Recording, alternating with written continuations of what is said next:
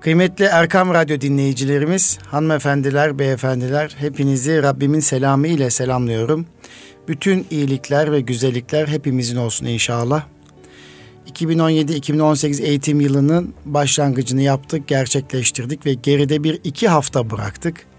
Eğitim Dünyası programında geçen hafta annelerimize, babalarımıza ihtiyaç duyulan eğitimde dikkat eksikliği ve hiperaktivite konusunda bir uzmanla sizi bir araya getirmiştik. Özellikle son zamanlarda son 7-8 senedir dikkat eksikliği ve hiperaktivite konusunda çok ciddi bir şekilde okullarımızda bu konuyla ilgilenen uzmanlarımız olabildiği gibi öğretmenlerimiz oluyor veya bu konuyla ilgisi olan ailelerimiz olabiliyor ve bu duruma muhatap çocuklarımız oluyor. İster istemez eğitime odaklanamamış bütün çocuklarımız için, bazı çocuklarımız için hemen hemen ağzımızdan bu tanı çıkabiliyor. Dolayısıyla bu konuda daha dikkatli olması gerektiği ile ilgili bir paylaşımda bulunmuştuk. Yine geçtiğimiz haftalarda eğitim öğretim yılının hazırlıkları aşaması çerçevesinde uyum haftasından bahsettik. Uyum haftasının e, aynı zamanda okula uyum çalışmalarının yeni gelen okula yeni gelmiş bir çocuk için oldukça önemli olduğu vurgusunu yaptık. Ve bakanlığımızın belirlemiş olduğu bir tema vardı. Okullarımızın zilini mutluluğa çalalım diye bir teması vardı. Bizler de 2017-2018 eğitim yılını bu mutluluğa çalmak üzere, başarıya çalmak üzere başlatmıştık ve üzerinden iki hafta geçti. Lakin eğitim öğretime sıcak bir gündemle başladığımızı hepiniz biliyorsunuz. Hepimiz biliyoruz, yakinen takip ediyoruz. 8. sınıf öğrencilerimiz eğitim öğretime başladığında TEOK denilen bir puan sistemiyle e, liseleri yerleşeceklerini düşünürken, bunun hayalini kurarken birden bir değişiklik olduğunu hepimiz biliyoruz ve bakanlığımızın bu TEOK'un kaldırılmasıyla birlikte yeni arayışlar, yeni çalışmalar yaptığını bilmekteyiz. Ve İstanbul Gönüllü Eğitimciler Derneği olarak da TEOK'un kaldırılmasıyla ilgili bir açıklama yaptığımızı sizler biliyorsunuz. Bizler diyoruz ki Evet TEOK 4 sene önce yapılandırıldığında 2013-2014 eğitim yılında başladığında ortak akılla e, birçok çalıştaylar yapılmak suretiyle inşa edildi. 2 saatlik sınavlar çocuklarımızın kaderini belirlemesi bakımından bir takım sıkıntılarının olduğunu söylemiştik ve TEOK'ta bu sıkıntıları en aza indirebilecek bir sınav sistemiydi. Bir merkezi yazılı ve ona dayalı oluşan bir puan sistemiyle çocuklarımız liseye yerleşiyor idi. Lakin bu TEOK'un da yine sınav kaygısını aza indirmekle birlikte istenilen düzeye indirmediği ile alakalı kamuoyu e, araştırmaları var. Yine veliye ek maliyet külfet getirdiği ile ilgili e, bilgiler var. Hepimiz görüyoruz. Dolayısıyla TEOK'un kaldırılıp yerine sınavsız bir geçiş veya yeteneklere dayalı bir geçişin üzerine bakanlığımızın çalıştığını biliyoruz. Bizler de İstanbul Gönüllü Eğitimciler Derneği olarak bildirimizde ifade ettiğimiz gibi TEOK'un yerine gelebilecek sistemle ilgili e, bakanlığımızın yapacağı çalıştaylarda fikirlerimizi beyan etmeye hazır olduğumuzu söylemiştik kıymetli dostlar. Efendim İstanbul Gönüllü Eğitimciler Derneği olarak Eğitim Dünyası programında yine eğitimle ilgili konuları masaya yatırıyoruz. Bazen uzmanlarımızla birlikte bu konuyu paylaşıyoruz ve bugün de aslında okullardaki rehberlik ve psikolojik danışma hizmetlerini konuşuyor olacağız. Sizinle paylaşıyor olacağız. Bu sohbetimiz hem annelerimize, babalarımıza hem eğitimcilerimize ve okullarımızda okumakta olan kardeşlerimiz için, öğrencilerimiz için çok faydalı olacağına inanmaktayım. Çünkü çağdaş eğitimde, çağdaş eğitimde okulun iki önemli, üç önemli faaliyeti vardır. Bir öğretim faaliyeti, iki yönetim organizasyon faaliyeti ve üç öğrenci kişilik hizmetleri dediğimiz rehberlik ve psikolojik hizmetleri faaliyetleri olarak söyleyebiliriz. İşte o zaman eğitimden bahsedebiliriz. Yoksa öğretim ağırlıklı bir çalışmadan bahsetmek mümkün. Öğrencinin kişilik hizmetlerini geliştirmeden de eğitim faaliyetini sürdüremeyeceğimizi ve tam anlamını yapamayacağımızı aslında hepimiz biliyoruz. Belki de Türkiye'de eğitim sorunu var derken aslında rehberlik hizmetleri ve psikolojik danışma hizmetleri noktasında sıkıntılarımız olduğundan da bahsediyoruz galiba diye düşünüyorum. Ama ben daha fazla konunun detayına girmeksizin bu konuda İGEDER'imizin yönetim kurulu üyesi, rehberlik ve psikolojik danışma uzmanı e, okullarda rehber öğretmen olarak bilinen rehberlik ve psikolojik danışma uzmanı. Yine Acıbadem e, Eğitim Kurumları'nın e, koordinatör rehber öğretmeni kardeşimiz Yahya Furkan Konyalı Beyefendi radyomuzun konuğu yoğun program içerisinde bizlere zaman ayırdı ve e, Eğitim Dünyası programına konuk oldu, misafir oldu. Kendisine gerçekten teşekkür ediyorum ve Efendim hoş geldiniz, safa getirdiniz. Hoş bulduk hocam, estağfurullah. Biz teşekkür ederiz misafir ettiğiniz için. Allah razı olsun. İyisiniz inşallah. Çok şükür. Sizleri gördük Allah daha iyi oldu. Tabii e, konuşmamda unuttum. Bugün aynı zamanda 10 Muharrem. Muharrem evet. ayının bereketini yaşıyoruz.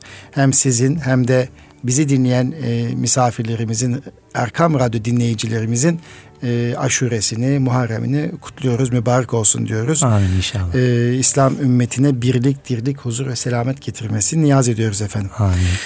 Evet Yahya Bey sevgili dostum e, kıymetli arkadaşım öncelikle okullardaki rehberlik ve psikolojik danışmanlık hizmetlerini masaya yatırmak lazım.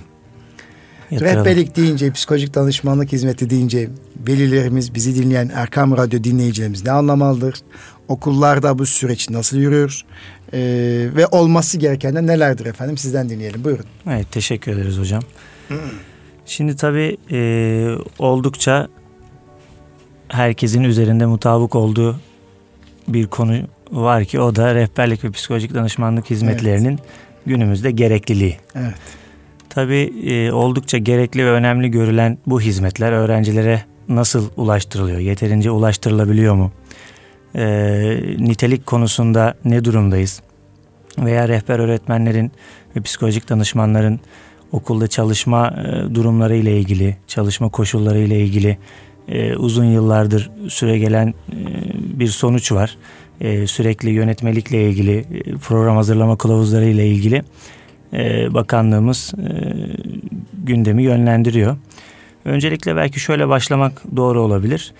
E, gerek devlet okullarında gerek özel okullarımızda yöneticilerimiz aslında bu özellikle son 10 yıllık süre zarfında rehber, rehberlik ve psikolojik danışma hizmetlerinin gerekliliğine oldukça inanmış durumdalar ve bu hizmetleri gerçekten desteklemeye çalışıyorlar. Ee, bunu acizane hem devlet e, kurumlarında yaklaşık bir 7 yıl hem de son 2 yıldır e, özel bir e, eğitim kurumunda görev yapan bir PDR e, uzmanı olarak söyleyebiliriz. Yani okullardaki yöneticiler rehber öğretmenin ihtiyacını hissetmeye başladılar. Hissetmeye başladılar. E, bunu dillendiriyorlar. E, genellikle e, mesela yaklaşık 10-12 yıl öncesinde rehber öğretmenlerimiz e, okullarda idarecilerle daha çok e, ayrıntılı iletişim kurma konusunda sıkıntı yaşayabiliyorlardı. Bu hizmetlerin gerekliliğini evet. anlatma konusunda, bu hizmetlerin öğrenciye daha nitelikli bir şekilde ulaştırılabilmesi konusunda ve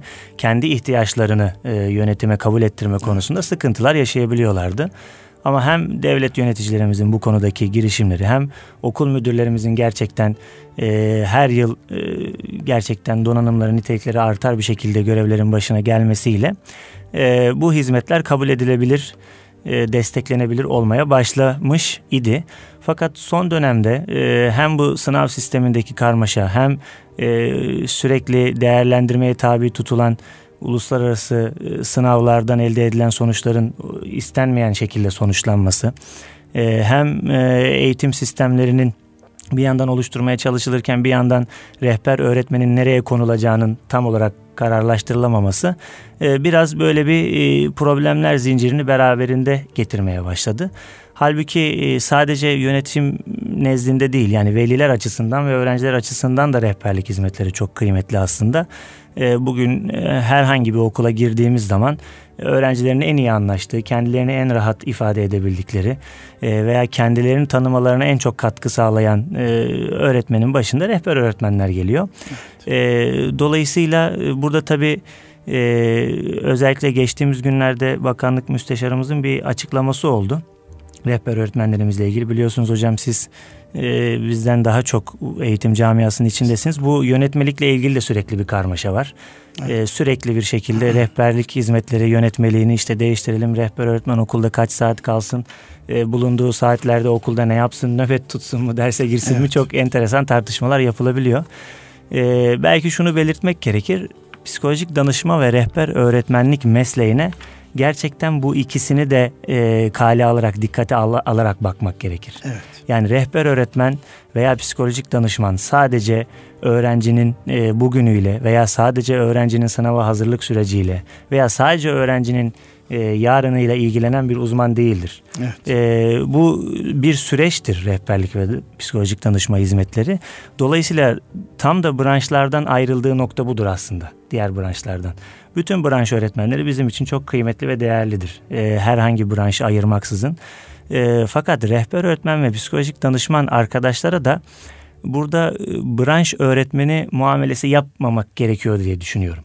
Evet. Çünkü bu arkadaşlarımız öğrencinin geçmişinden günümüze ve günümüzden de geleceğine yönelik e, atacağı adımları yine onunla birlikte. Evet. Yani dayatmacı bir politikayla değil de tamamen öğrenciyi keşfederek planlayan ve bunu amaçlayan en azından bir e, uzmandır. Evet. Tabii e, biliyorsunuz insanlar hak ettiği e, değeri, konumu görmezse mevcut potansiyelini yansıtma noktasında sıkıntı yaşayabilirler. Dolayısıyla rehber öğretmenlerle ilgili bakış açımızı yani bu arkadaşımız okulda bizde çalışan bir uzman e, eğitim fakültesinden mezun olabilir fakat belli donanımları onu öğretmenlerden birazcık daha farklı kılıyor e, evet. açısından bakmak gerekir diye düşünüyorum. Tabii bu e, rehber öğretmenlere veya psikolojik danışmanlara dışarıdan bakış açısı. Bir de rehber öğretmen ve psikolojik danışman arkadaşların kendine bakış açısı da çok önemli. E, bu arkadaşlarımız da yani benim yaptığım her hareket değerlendiriliyor gerçekten nitelikli hizmet sunup sunmadığım takip ediliyor. Evet. Ben acaba başta kendime, e, mesleğime ve bu mesleğe mensup diğer e, insanlara hangi konuda destek veya e, tırnak içinde söylüyorum özür dileyerek izleyicimizden köstek oluyorum e, ifadesini bir değerlendirmeleri gerekiyor diye düşünüyorum. Çünkü bir mesleğe en fazla yine kendi içindeki kişiler e, zarar evet, verebilir. E, mesela rehber öğretmenlerle ilgili çok e, klişe ifadeler kullanılıyor hala günümüzde. İşte bir şey yapmıyorlar, yatıyorlar, yeterince çalışmıyorlar. Branş öğretmenleri çok daha fazla yoruluyor. Odasında ne yapıyorlar? Odasından çıkmıyorlar. Ne yapıyorlar bunlar odasında vesaire. Şimdi tabii ister istemez e, sosyal ortamlarda bu tür e, şeyler olur. Pek çok öğretmenle ilgili bu olabilir. Beden eğitimi öğretmeniyle de olabilir, müzik öğretmeniyle de olabilir. Yani haftada 25 saatin e, saat ve üzerinde derse girmeyen her branş öğretmeniyle ilgili veya her uzmanla ilgili bu olabilir. Ama burada olumsuz örneklerden yola çıkarak e, bir meslek grubunu komple e, zan altında bırakmanın doğru olmadığı inancındayım. Evet. Zira bu her meslek grubu için veya her çalışma alanı için geçerli diye düşünüyorum. Rehber öğretmenlerin biraz bu, bu kadar e, diken üstünde olmasının en önemli sebebi az önce tekrar e, az önce söyledik tekrar altını çizelim. Bu bir süreç işi. Yani e, fakültede kullanılan klasik bir ifade vardır. Yani hiçbirimizin elinde bir sihirli değnek yok. Evet. Öğrenciye değdirdikten sonra bambaşka bir hale bürünecek e, bir hal yok. Böyle bir gücümüz de yok zaten. Ama bu süreci en iyi şekilde bütün arkadaşlarımızla işbirliği halinde nasıl yönetebiliyoruz, yönlendirebiliyoruz evet. buna bakmak lazım. Şimdi birazcık daha içeriye ve ayrıntıya girecek olursak okulda rehberlik ve psikolojik danışma hizmetleri genellikle e, öğrenci bireysel ayrıntılı olarak keşfetme, Ondan sonra e, eğitim psikolojisi desteği sunma, eğitsel değerlendirme e, çalışmaları yapma. E, bununla birlikte mesleki yönlendirmelerde bulunma. ailelerle birlikte öğrencilerin aile içi iletişimini, aile içi dinamikleri, işbirliğini güçlendirmeye yönelik çalışmalar yapma, aile eğitimleri yapma özellikle son dönemlerde. Ve önleyici kapsamda tüm bu hizmet alanlarına ilişkin e, çalışmaları etkili bir şekilde gerçekleştirme üzerine kurulu e, bir sistem diyebiliriz özet olarak. Evet. Tabii çok e, içerisinde ayrıntılı ayrıntıları barındırıyor. Merkezde öğrenci var. Öğrencinin öğrenciye dolaylı veya doğrudan dokunan herkesin bilinmesi, tanınması ve etkisinin etkilerinin gözlenmesi gerekiyor bu çalışmayı yapabilmek için. Ee, bireysel takibe dayalı bir çalışma aslında. Evet. Yani her öğrenciyi bireysel takip etmeye dayalı ama aynı zamanda grup çalışmaları yoluyla da grup içerisindeki e, kaliteyi, dinamikleri, öğrencinin e, çok yönlü gelişimini arttırmaya yönelik hizmetler evet. sunuluyor. Şimdi e, burada da karşımıza e, iki farklı problem çıkıyor. Bir tanesi okullarda sürekli sayılarını arttırmasını beklerken bakanlığımızın rehber öğretmen arkadaşlarımızın sayılarını ki sayı arttırma meselesi de şundan dolayı önemli. E, şimdi takdir edersiniz ki daha çok bireysel e, tandanslı, bireysel eksenli sunulan hizmetlerde sayı ne kadar azsa kalite o kadar fazladır. Evet. Şimdi bir rehber öğretmen arkadaşımız 1000 kişiyle, 500 kişiyle, 400 öğrenciyle e, çalışması e, farklı sonuçlar doğurur. 100 öğrenciyle, 150 öğrenciyle hadi diyelim maksimum 250 öğrenciyle ki aslında planlanan buydu e, 15-20 yıl evvel. 250 öğrenciyle çalışması farklıdır ama bugün okullara baktığımız zaman e, eğitim fakültelerinin rehberlik ve psikolojik danışma e, bölümünden mezun olan arkadaşlarımız atanma problemi yaşıyorlar. Neden? E, çünkü gerçekten çok fazla mezun var ama buna ilişkin okullarda e, e, atama sayıları biraz az. Ama okullarda aslında halen daha rehber Tabii. öğretmene ihtiyaç Kesin, var. Kesinlikle. Ama kadro tahsis edilmiyor. Kesinlikle herhalde. kadro tahsis edilmiyor. Bazı bölgelerde bu sayı fazla ve gerçekten hak ettiği oranda olabiliyor. Ee, örneğin daha çok Marmara bölgesini ve Batı illerini bunu e, evet. kapsayabilir ama e, ülkenin belli bölgelerinde eksikliği yaşanıyor. Şimdi tabii e, bu birinci beklenti. İkincisi de rehber öğretmen ve psikolojik danışman arkadaşlarımızın e, gerçekten okulda aslında önleyebilecekleri veya sağlayabilecekleri çalışmanın kıymetleri yöneticiler kadar üst yöneticiler tarafından tam anlaşılabilmiş değil. Burada da belki acaba raporlamada e, geri bildirimlerde mi bir eksiklik oluyor? Hmm. Bazen yani üst yönetici derken okul müdürünün bak, dışındaki bakan, mi? Tabii bakan bakanlık, e, bakanlık müsteşarlığı veya e, özel eğitim ve rehberlik hizmetleri genel müdürlüğü olabilir. Bunu şundan dolayı söylüyorum. E, aslında planlamalar çok güzel. Zaten biliyorsunuz hocam eğitimde planlamalar her zaman iyi oluyor evet. ülkemizde. E, örneğin işte yaklaşık 10-12 yıl evvel yine bir yapılandırmacı eğitim modeline geçilecekti. Evet. Bununla ilgili e, oldukça nitelikli çalışmalar yapıldı. 94'te ilk adım evet, atılmıştı ve daha ona göre program önce. değişmişti. E, 20 evet. yıl olmuş. Evet. E, yani çok güzel programlar oluşturuldu.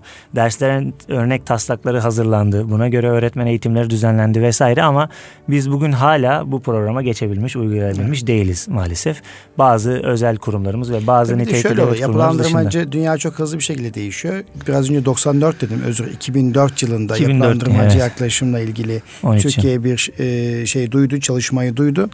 Ama daha onun meyvesini almadan dünya hızlı bir şekilde değişiyor. Tabii. Şimdi farklı bir yaklaşım tarzına e, evet. geçiş başladı. Özellikle Endüstri 4.0 ve onun eğitime yansımalarıyla birlikte e, bağdaştırıcı yaklaşım mı deniyor? Bağdaştırıcı yani yaklaşım, yaklaşım var, bütüncül yaklaşım evet, var. Evet. evet şimdi daha yani pek çok branşın birlikte evet. işbirliği halinde hareket etmesini sağlayacak e, yaklaşım Ama tabii hepsi birbirini tamamlıyor aslında. Tabii tabii. Geçiş evresi. Yani bu evet. yapılandırmacı yaklaşımın sona erdiği anlamına tabii, gelmez. Tabii aslında yapılandırmacı evet. yaklaşım bir felsefe. Belki evet. isim olarak eğitimcilerimizin zihninde çok eskileri çağrıştırıyor olabilir ama bir felsefe, bir temel.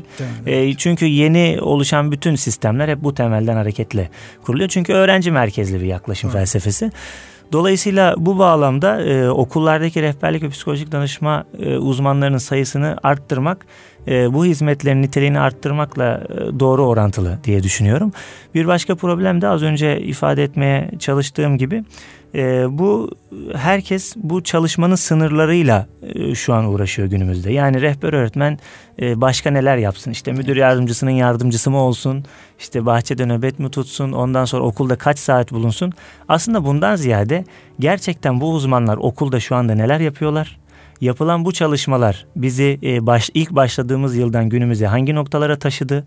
E, ve bu çalışmaların niteliğini arttırmak için neler yapabiliriz? Buna evet. odaklanırsak saat, diğer çalışmalar e, bunun gerisinde kalır birazcık Doğru. daha diye düşünüyorum. Örneğin şimdi çok e, popüler bir tartışma yine işte öğret, rehber öğretmenlerimiz okullarda kaç saat dursun?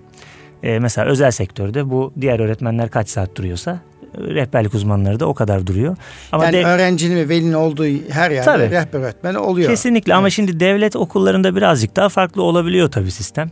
Ee, yani öğrencinin olmadığı bir ortamda esasen arkadaşlarımızın bulunmasına çok da bir gereklilik olmadığını evet. görüyoruz. Yani burada da tabii işin içerisine başka şeyler giriyor. İşte müdür yardımcısına veya müdür veya işte veya müdüre hanımlara yardımcı olsunlar. Bir takım işleri kolaylaştırsınlar. Bu tabii başka bir noktaya taşıyor hizmetleri. Evet. E, nöbet olayına zaten hiç girmiyorum. O rehberlik ve psikolojik danışma hizmetlerinin e, özelliğiyle e, omurgasıyla hiç şöyle bağdaşmıyor. De, e, tartışma yapıldığını biliyorum. Yani rehber öğretmen nöbet tutmalı çünkü şey doğal gözlem alanı olan koridorlarda bulunmalı. E bulunmuyorsa ben nöbetlerle bu işi çözerim. Evet. İşte hiç olmazsa nöbet yoluyla doğal bir gözlem yapsın diye yani. metazor bir yola ya gidilmeye öğrencisi, çalışıldı ama. Öğrencisini gözleme evet. isteği olmayan bu bunun rehberlik hizmetlerine faydasına e, henüz sindirememiş arkadaşımız onu da yapmaz Onu hocam. da yapmaz evet. Tabii.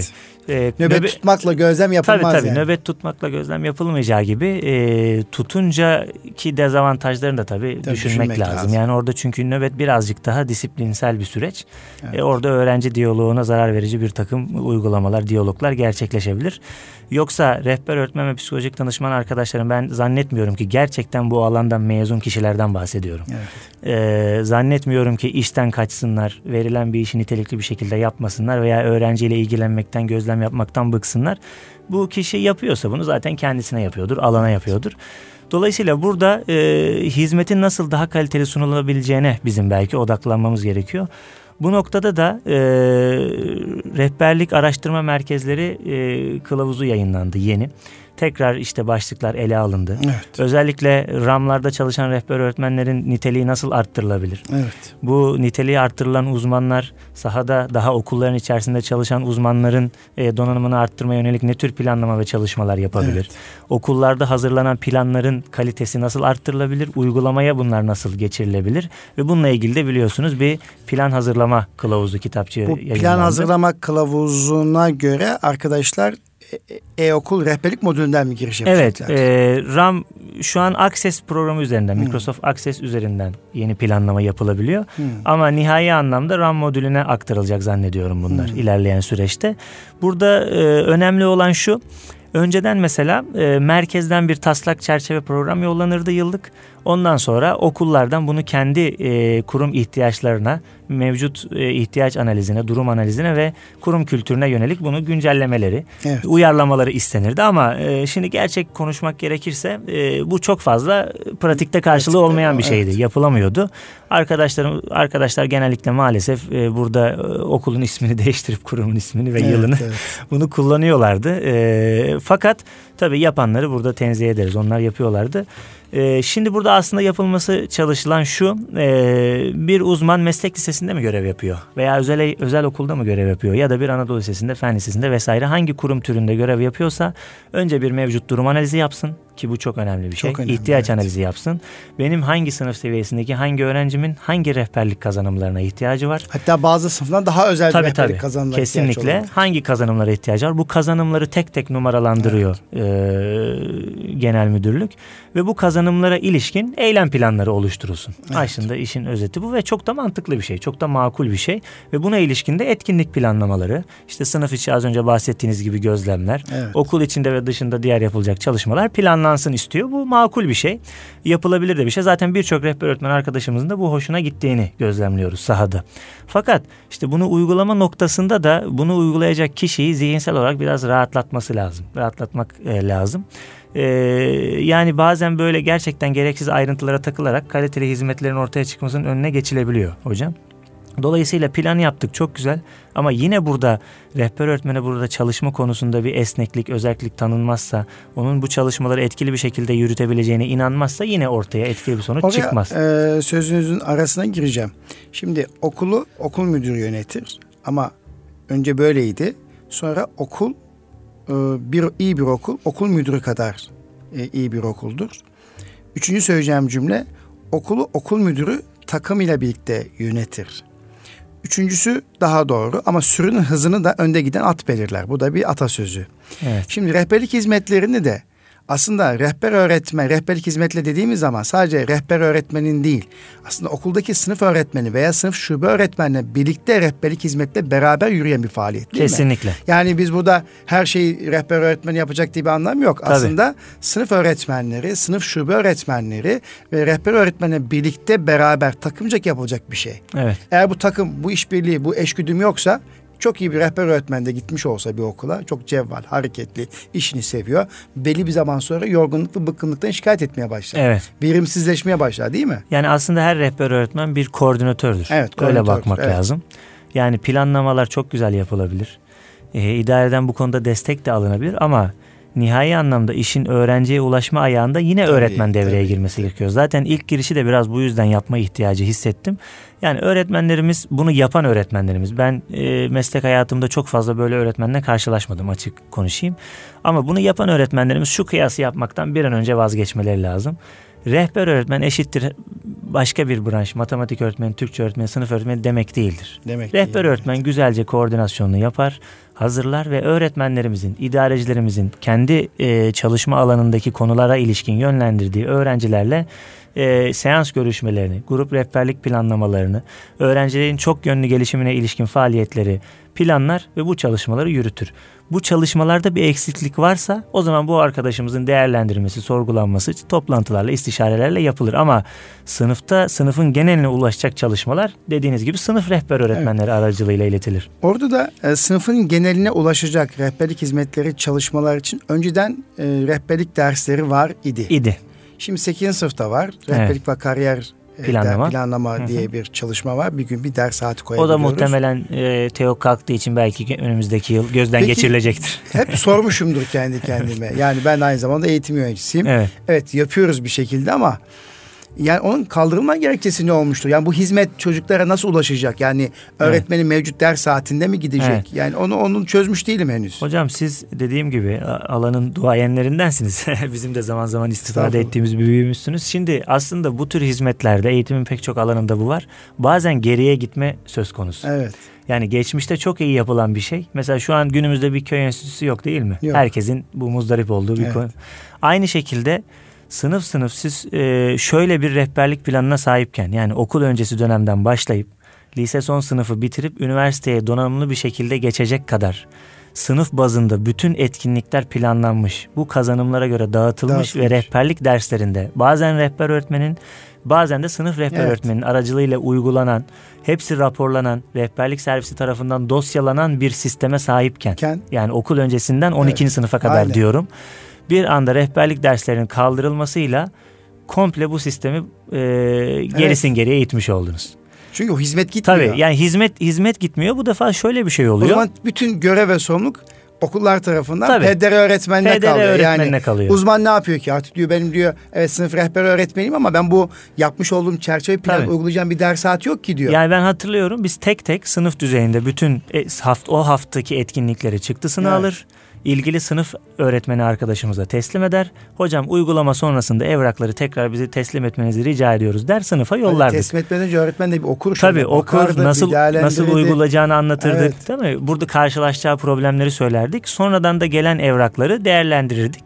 E şimdi ister istemez sınıf rehber öğretmenlerine yine dersler verilebiliyor okulda. Öğrencilerle tanışsınlar, kaynaşsınlar diye. Fakat ne yapacaklarını bilemiyorlar. E bu defa evet. rehber öğretmen arkadaşa başvuruyorlar. Hocam ben ne yapayım? Dağınık bir şekilde oluyor hizmetler Doğru. böyle olunca. O rehber öğretmen arkadaşımız o konuyla ilgiliyse, donanımı yeterliyse öğretmenlerimize bazı etkinlikler verebiliyor. Ee, Ama anı kurtarmak sizin için. Sizin tecrübeniz çok önemli. Aynı zamanda biz İstanbul Gönüllü Eğitimci Derneği adına bu programı yapıyoruz e, bir şey söylediniz. Bazı şeylerde de geriye gidiş oluyor diye. Evet. Yani siz özel eğitim hizmetleri, rehberlik hizmetleri genel müdürü olmuş olsaydınız ana sınıfından 12. sınıfa kadar e, bu rehberlik saatini ilave eder miydiniz? A- acilen geri koyardım rehberlik acilen saatini. Geri... Belki saati nasıl arttırılabilir diye Ona düşünürdüm. Bakardım, evet. Bir de kesinlikle bu sınıf düzeyinde etkinlik uygulamasını ki bu sahadaki birçok arkadaşla istişare etsek zannediyorum ki yüzde yüzü aynı şeyi tekrar isteyecektir. Hani buna muhalif olacak bir evet. PDR uzmanının çıkacağını çok zannetmiyorum.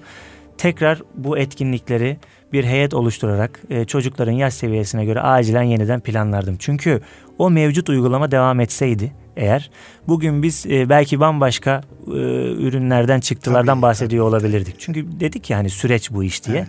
Şimdi süreç e, bir 4-5 yıl uygulandı. En fazla bir kademeyi tamamlayabildi Ve çocuk. bir de işin garibi ölçme yapıp sonucunu görmeden birisi tabii, diyor ki ya tabii, ne yapıyorlar tabii. ki veripsiz geçiyor dersler Kesinlikle. demiştir muhtemelen. Kesinlikle. Birkaç yerde bu ses gelince evet tabii. veripsiz geçiyorsa yani bir, kaldıralım denilmiştir. Bir işin hesabı sorulacaksa da bu aslında evet. bur, buradan yaklaşarak hesap sormak da daha kolaydı veya değerlendirme yapmak. O hesap sormak şeklinde nitelendirmeyelim. Nedir?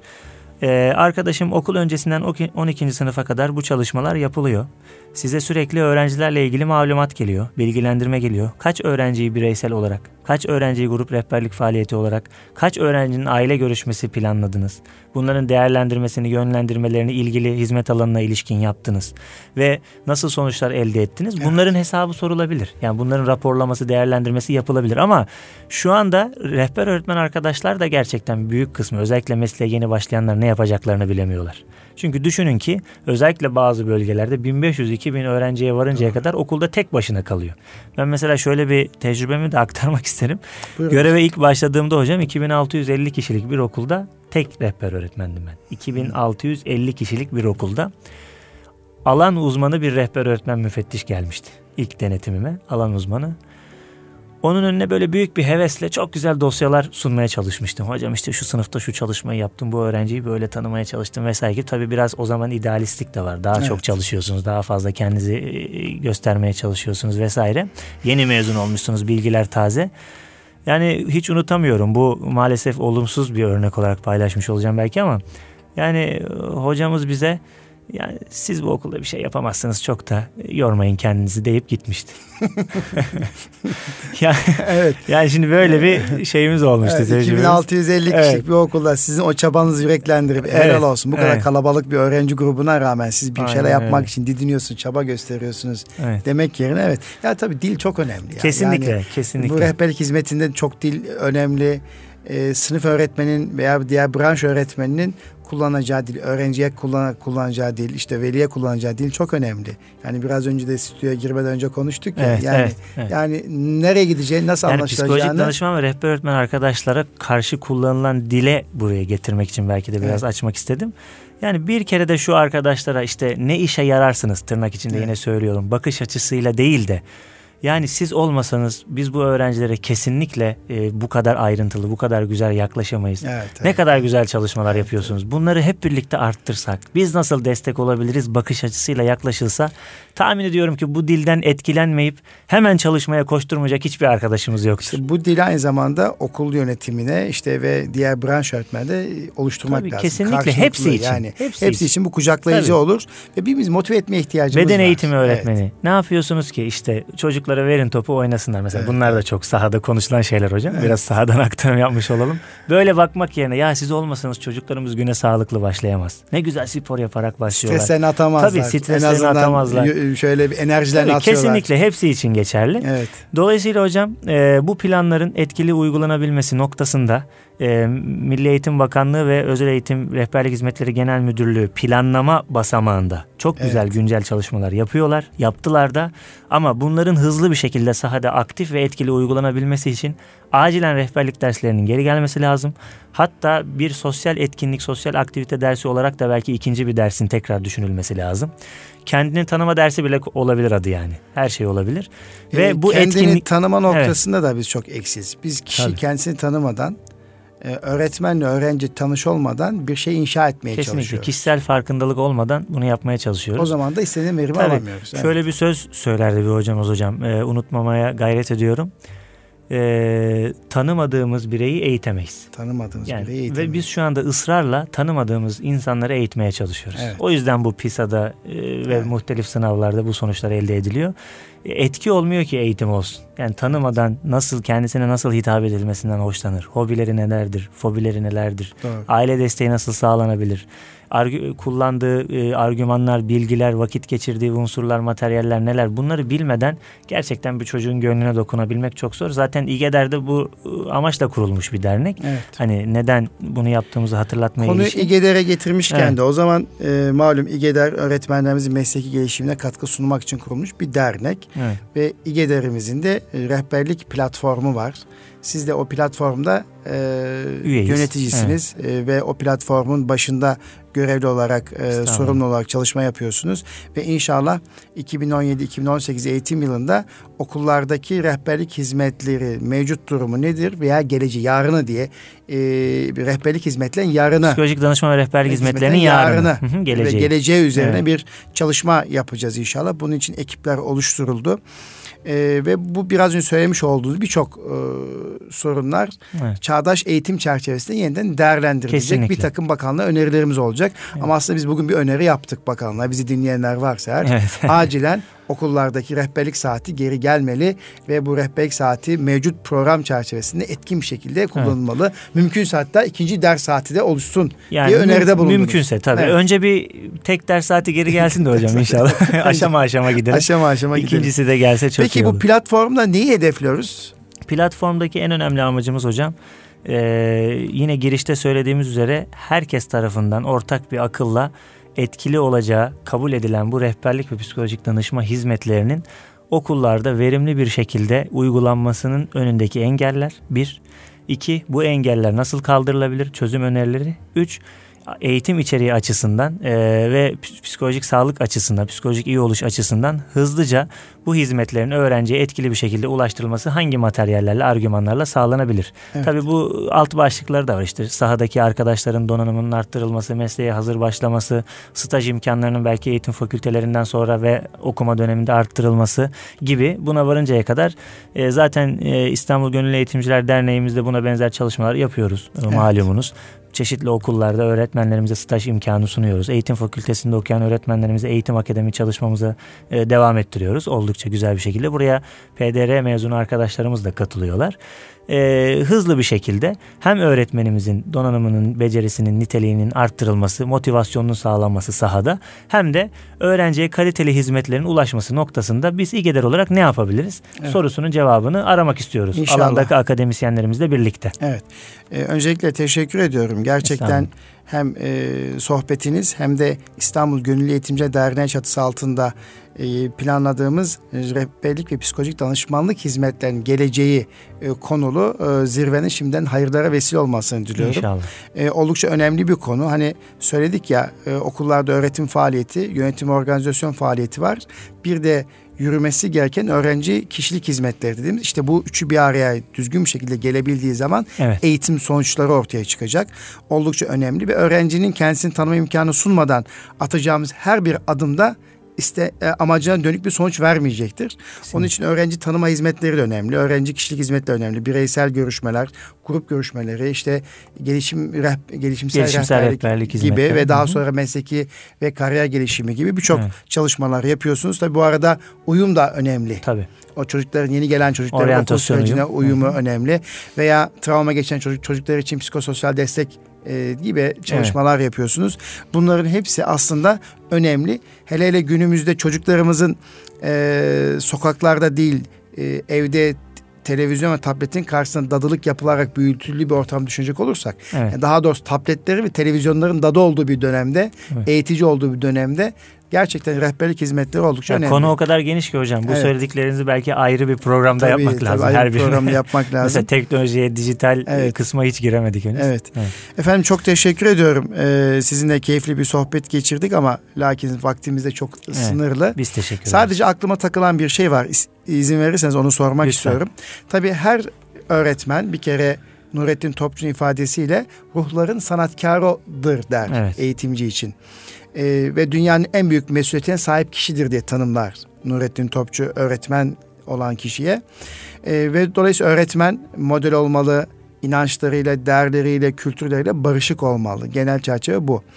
E, bu noktada rehberlik ve psikolojik danışman olan kişinin, uzman olan kişinin o alanda rehberlik ve psikolojik danışmanlık hizmeti veren uzmanın e, kültürel bağları, kodları, bakım değerlendirecek olursak nelere sahip olmalı ilaveten diye branş öğretmenleriyle birlikte nelere evet. daha dikkat etmeliler?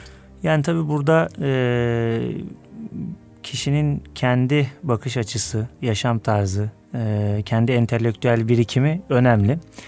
E, fakat bizim hizmetlerin biliyorsunuz bir yönüyle e, özellikle batı tandanslı evet. bir e, alan daha çok. Yani Batı ülkelerinde alınan bir alan. Bunu eleştirmek için söylemiyorum. Yani ilim nerede ise onu tabii ki de alacağız ama tabii yerelleştirme konusunda adımlar atmamız lazım. Adımlar atmamız Yani rehberlik ve psikolojik danışma hizmetleri bir fikri, görüşü veya düşünceyi öğrenciye empoze etme veya öğrenciyi bu konuda yönlendirme hizmeti olmaktan ziyade öğrencinin kendisi, ailesi, kültürel kodları Evet. Ne, hangi kodlara ve e, temele sahipse hangi argümanları içerisinde barındırıyorsa buradan kaynaklanarak bu hizmetlerin Çünkü sunulması danışan lazım. geliyor, öğrenci Tabii. geliyor. Ee, bir konuda gizli kalmak koşuluyla bir şey söylüyor. E, tabii. ama ailenin kültürünü, ekonomisini, sosyal özelliklerini, beklentilerini bilmeden Kesinlikle. bir danışmanlık yapacak olursanız aileyle arasını açmış olursunuz. Kesinlikle çocuğun, ve arkadaşlara belki şu önerilebilir. Günümüzde şu anda son özellikle birkaç yıldır buna yönelik çalışmalar yapılıyor. Manevi danışmanlık ve Evet. rehberlik kısmı özellikle. Burada maneviden kastımızı sadece e, dini eksenli olarak algılamasın arkadaşlar. Yani kişinin ruh dünyasını güçlendirecek bütün e, argümanlar aslında manevi başlığı altına girmiş oluyor. Bu konuda özellikle ülkemizin içinde bulunduğumuz coğrafyanın kültürünü ki malum biliyorsunuz pek çok ülkeden de artık çocuklar Evet. sisteme girmeye başladı. Ee, kesinlikle bu kültürel kodlara ilişkin bilgi sahibi olmak, e, bu manevi danışmanlık alanında da e, bilgi ve becerileri arttırmak gerekiyor diye düşünüyorum hocam. Ee, son sorum demiştim ama yine aklıma geldi. Birkaç dakikamız daha var. Bu rehberlik e, hizmetlerinin, öğrenci kişilik hizmetlerinin gizli nereye kadar olmalı? Çok çoğu zaman bazen Evet. karşımıza gizli deyip kalıyor Tabii. ama sonrasında arkadan büyük bir sıkıntı çıkabiliyor. Çıkabiliyor. Evet. Yani bunun dengesi nedir? Bu noktada nasıl bir şey olmalı? evet. Sizin düşünceniz ne en azından? Düşünceden ziyade e, bu da aslında alanda tanımlanmış durumda. Yani hangi konu hangi e, basamağa dayandığında görüşmenin içeriği idareyle veya belki e, adliye ile e, belki emniyetle paylaşılabileceğine ilişkin bu tür e, yönlendirmelerin ne zaman yapılacağını aslında sahadaki arkadaşlar biliyor. Çok kısa şöyle söyleyebiliriz. Bireyin artık kendisine zarar verme konusu hasıl olduğu zaman bir. ikincisi çevresine ciddi zararlar verme e, konusu devreye girdiği zaman. Bir üçüncüsü de gerçekten tıbbi bir e, çalışma yapılması gerektiğine e, ihtiyaç hissedildiği, zaman, kanaat evet. getirildiği zaman bu artık e, aileyle özellikle başta olmak üzere okul yönetimiyle ve ilgili diğer işbirliği yapılacak kurum ve sektörlerle paylaşılması e, gerekiyor. Örneğin en bilindik şekli bir travma vakası ve buna bağlı bir intihar eğilimi olduğunu düşünelim. Bu tür vakaların tabii hızlıca ailenin de ve, belki bazen gerekiyorsa okul yönetiminin de işin içine dahil edilerek çözülmesi gerekiyor. Biliyorsunuz bir üç sene önce Kayseri'deydi zannediyorum. Bir lise öğrencisi intihar etmişti. Evet, Ee, olay da okul müdürüne ve rehberlik servisine kadar kesin, uzandı. kesinlikle. Hepsinin tek tek ifadeleri alındı diye biliyorum. Hatta sonrası- burada evet, gizlilik değil, e, yani ne- neden gizli kaldığı artık sorgulanacak aşamalar oluyor bunlar. Evet. Evet. Efendim çok teşekkür ediyorum. Kıymetli Erkam Radyo dinleyicilerimiz, hanımefendiler, beyefendiler bugün yine Eğitim Dünyası programının sonuna geliverdik. Konuğumuz kimdi? Konuğumuz İGEDER'in yönetim kurulu üyesi, aynı zamanda rehberlik hizmetleri platformumuzun yöneticisi. Ee, Yahya Furkan Konyalı Beyefendi ile birlikte olduk. Yahya Furkan Konyalı Beyefendi e, rehberlik ve psikolojik danışmanlık alanında uzman, birçok okulda çalışmış ve kaliteli hizmetler yapan bir arkadaşımız. Özellikle geçtiğimiz senelerde okuduğum ve çok keyif aldığım gözlem yoluyla öğrenci tanıma teknikleri noktasında o küçük çalışmasına hayran kaldığım bir arkadaşımdı. E çünkü ben hep şunu söylüyorum, biz öğretmenler gözlem yapmayı unuttuk, ihmal ediyoruz. Aslında bizim asıl işimiz önce öğrenci tanımaktır. Öğrenci tanımak için elbette rehberlik hizmetleri bize tanıma teknikleriyle ilgili testler, envanterler önümüze koyacaklar, etkinlikler koyacaklar. Lakin bu tek başına yeterli değil. İyi bir öğretmen aynı zamanda öğrencisini tanıma noktasında mahir olabilmelidir. O da en iyi aracımız gözlem yoluyladır. İşte gözlem yolu yapabilmek için çok dikkatli davranmak gerekir. Öğrenciyi çok iyi tanımanın başında gözlem sonuçlarımızı çok iyi değerlendirmek esas olmalıdır. İşte bir gözleme dayalı öğrenci nasıl tanınır ve bu tanıma teknikleri nelerdir? O konu çalışmanız çok kıymetliydi gerçekten. Aslında bir ara o konu üzerine de sohbet etmek lazım. Buna ihtiyacımız var. Çünkü e, en iyi yol gözlem yolu diyorum ilkokul için ve ortaokul için. E, Kesinlikle. testler bir yere kadar evet Tabii. ama özellikle ana sınıfında birinci sınıfta ikinci sınıfta iyi bir öğretmen, iyi bir eğitimci, gözlem düzeyi yüksek olan bir eğitimci çocukla ilgili birçok tespitleri de bulunabiliyor. Tabii. Hemen duysal organlarındaki sıkıntıyı tespit edebiliyor. İşte görme or- organındaki sıkıntıyı tespit edebiliyor veya başka e, özel öğrenme güçlüğü ilgili durumları tespit edebiliyor vesaire. E, dolayısıyla gözlem çok önemli. Efendim kıymetli dostlar e, bugün Eğitim Dünyası programını sonlandırmış bulunuyoruz. İçinde bulunduğumuz Muharrem ayı ve bugün içinde bulunduğumuz aşure günü mübarek olsun diyoruz. İslam ümmetine, ülkemize birlik ve beraberle vesile olsun temennisiyle efendim eviniz bereketli olsun, gönlünüz huzurlu olsun. Rabbim her daim sizleri mutlu ve huzurlu eylesin diyor. Bir sonraki Eğitim Dünyası programında buluşmak dileğiyle Rabbime emanet olunuz efendim.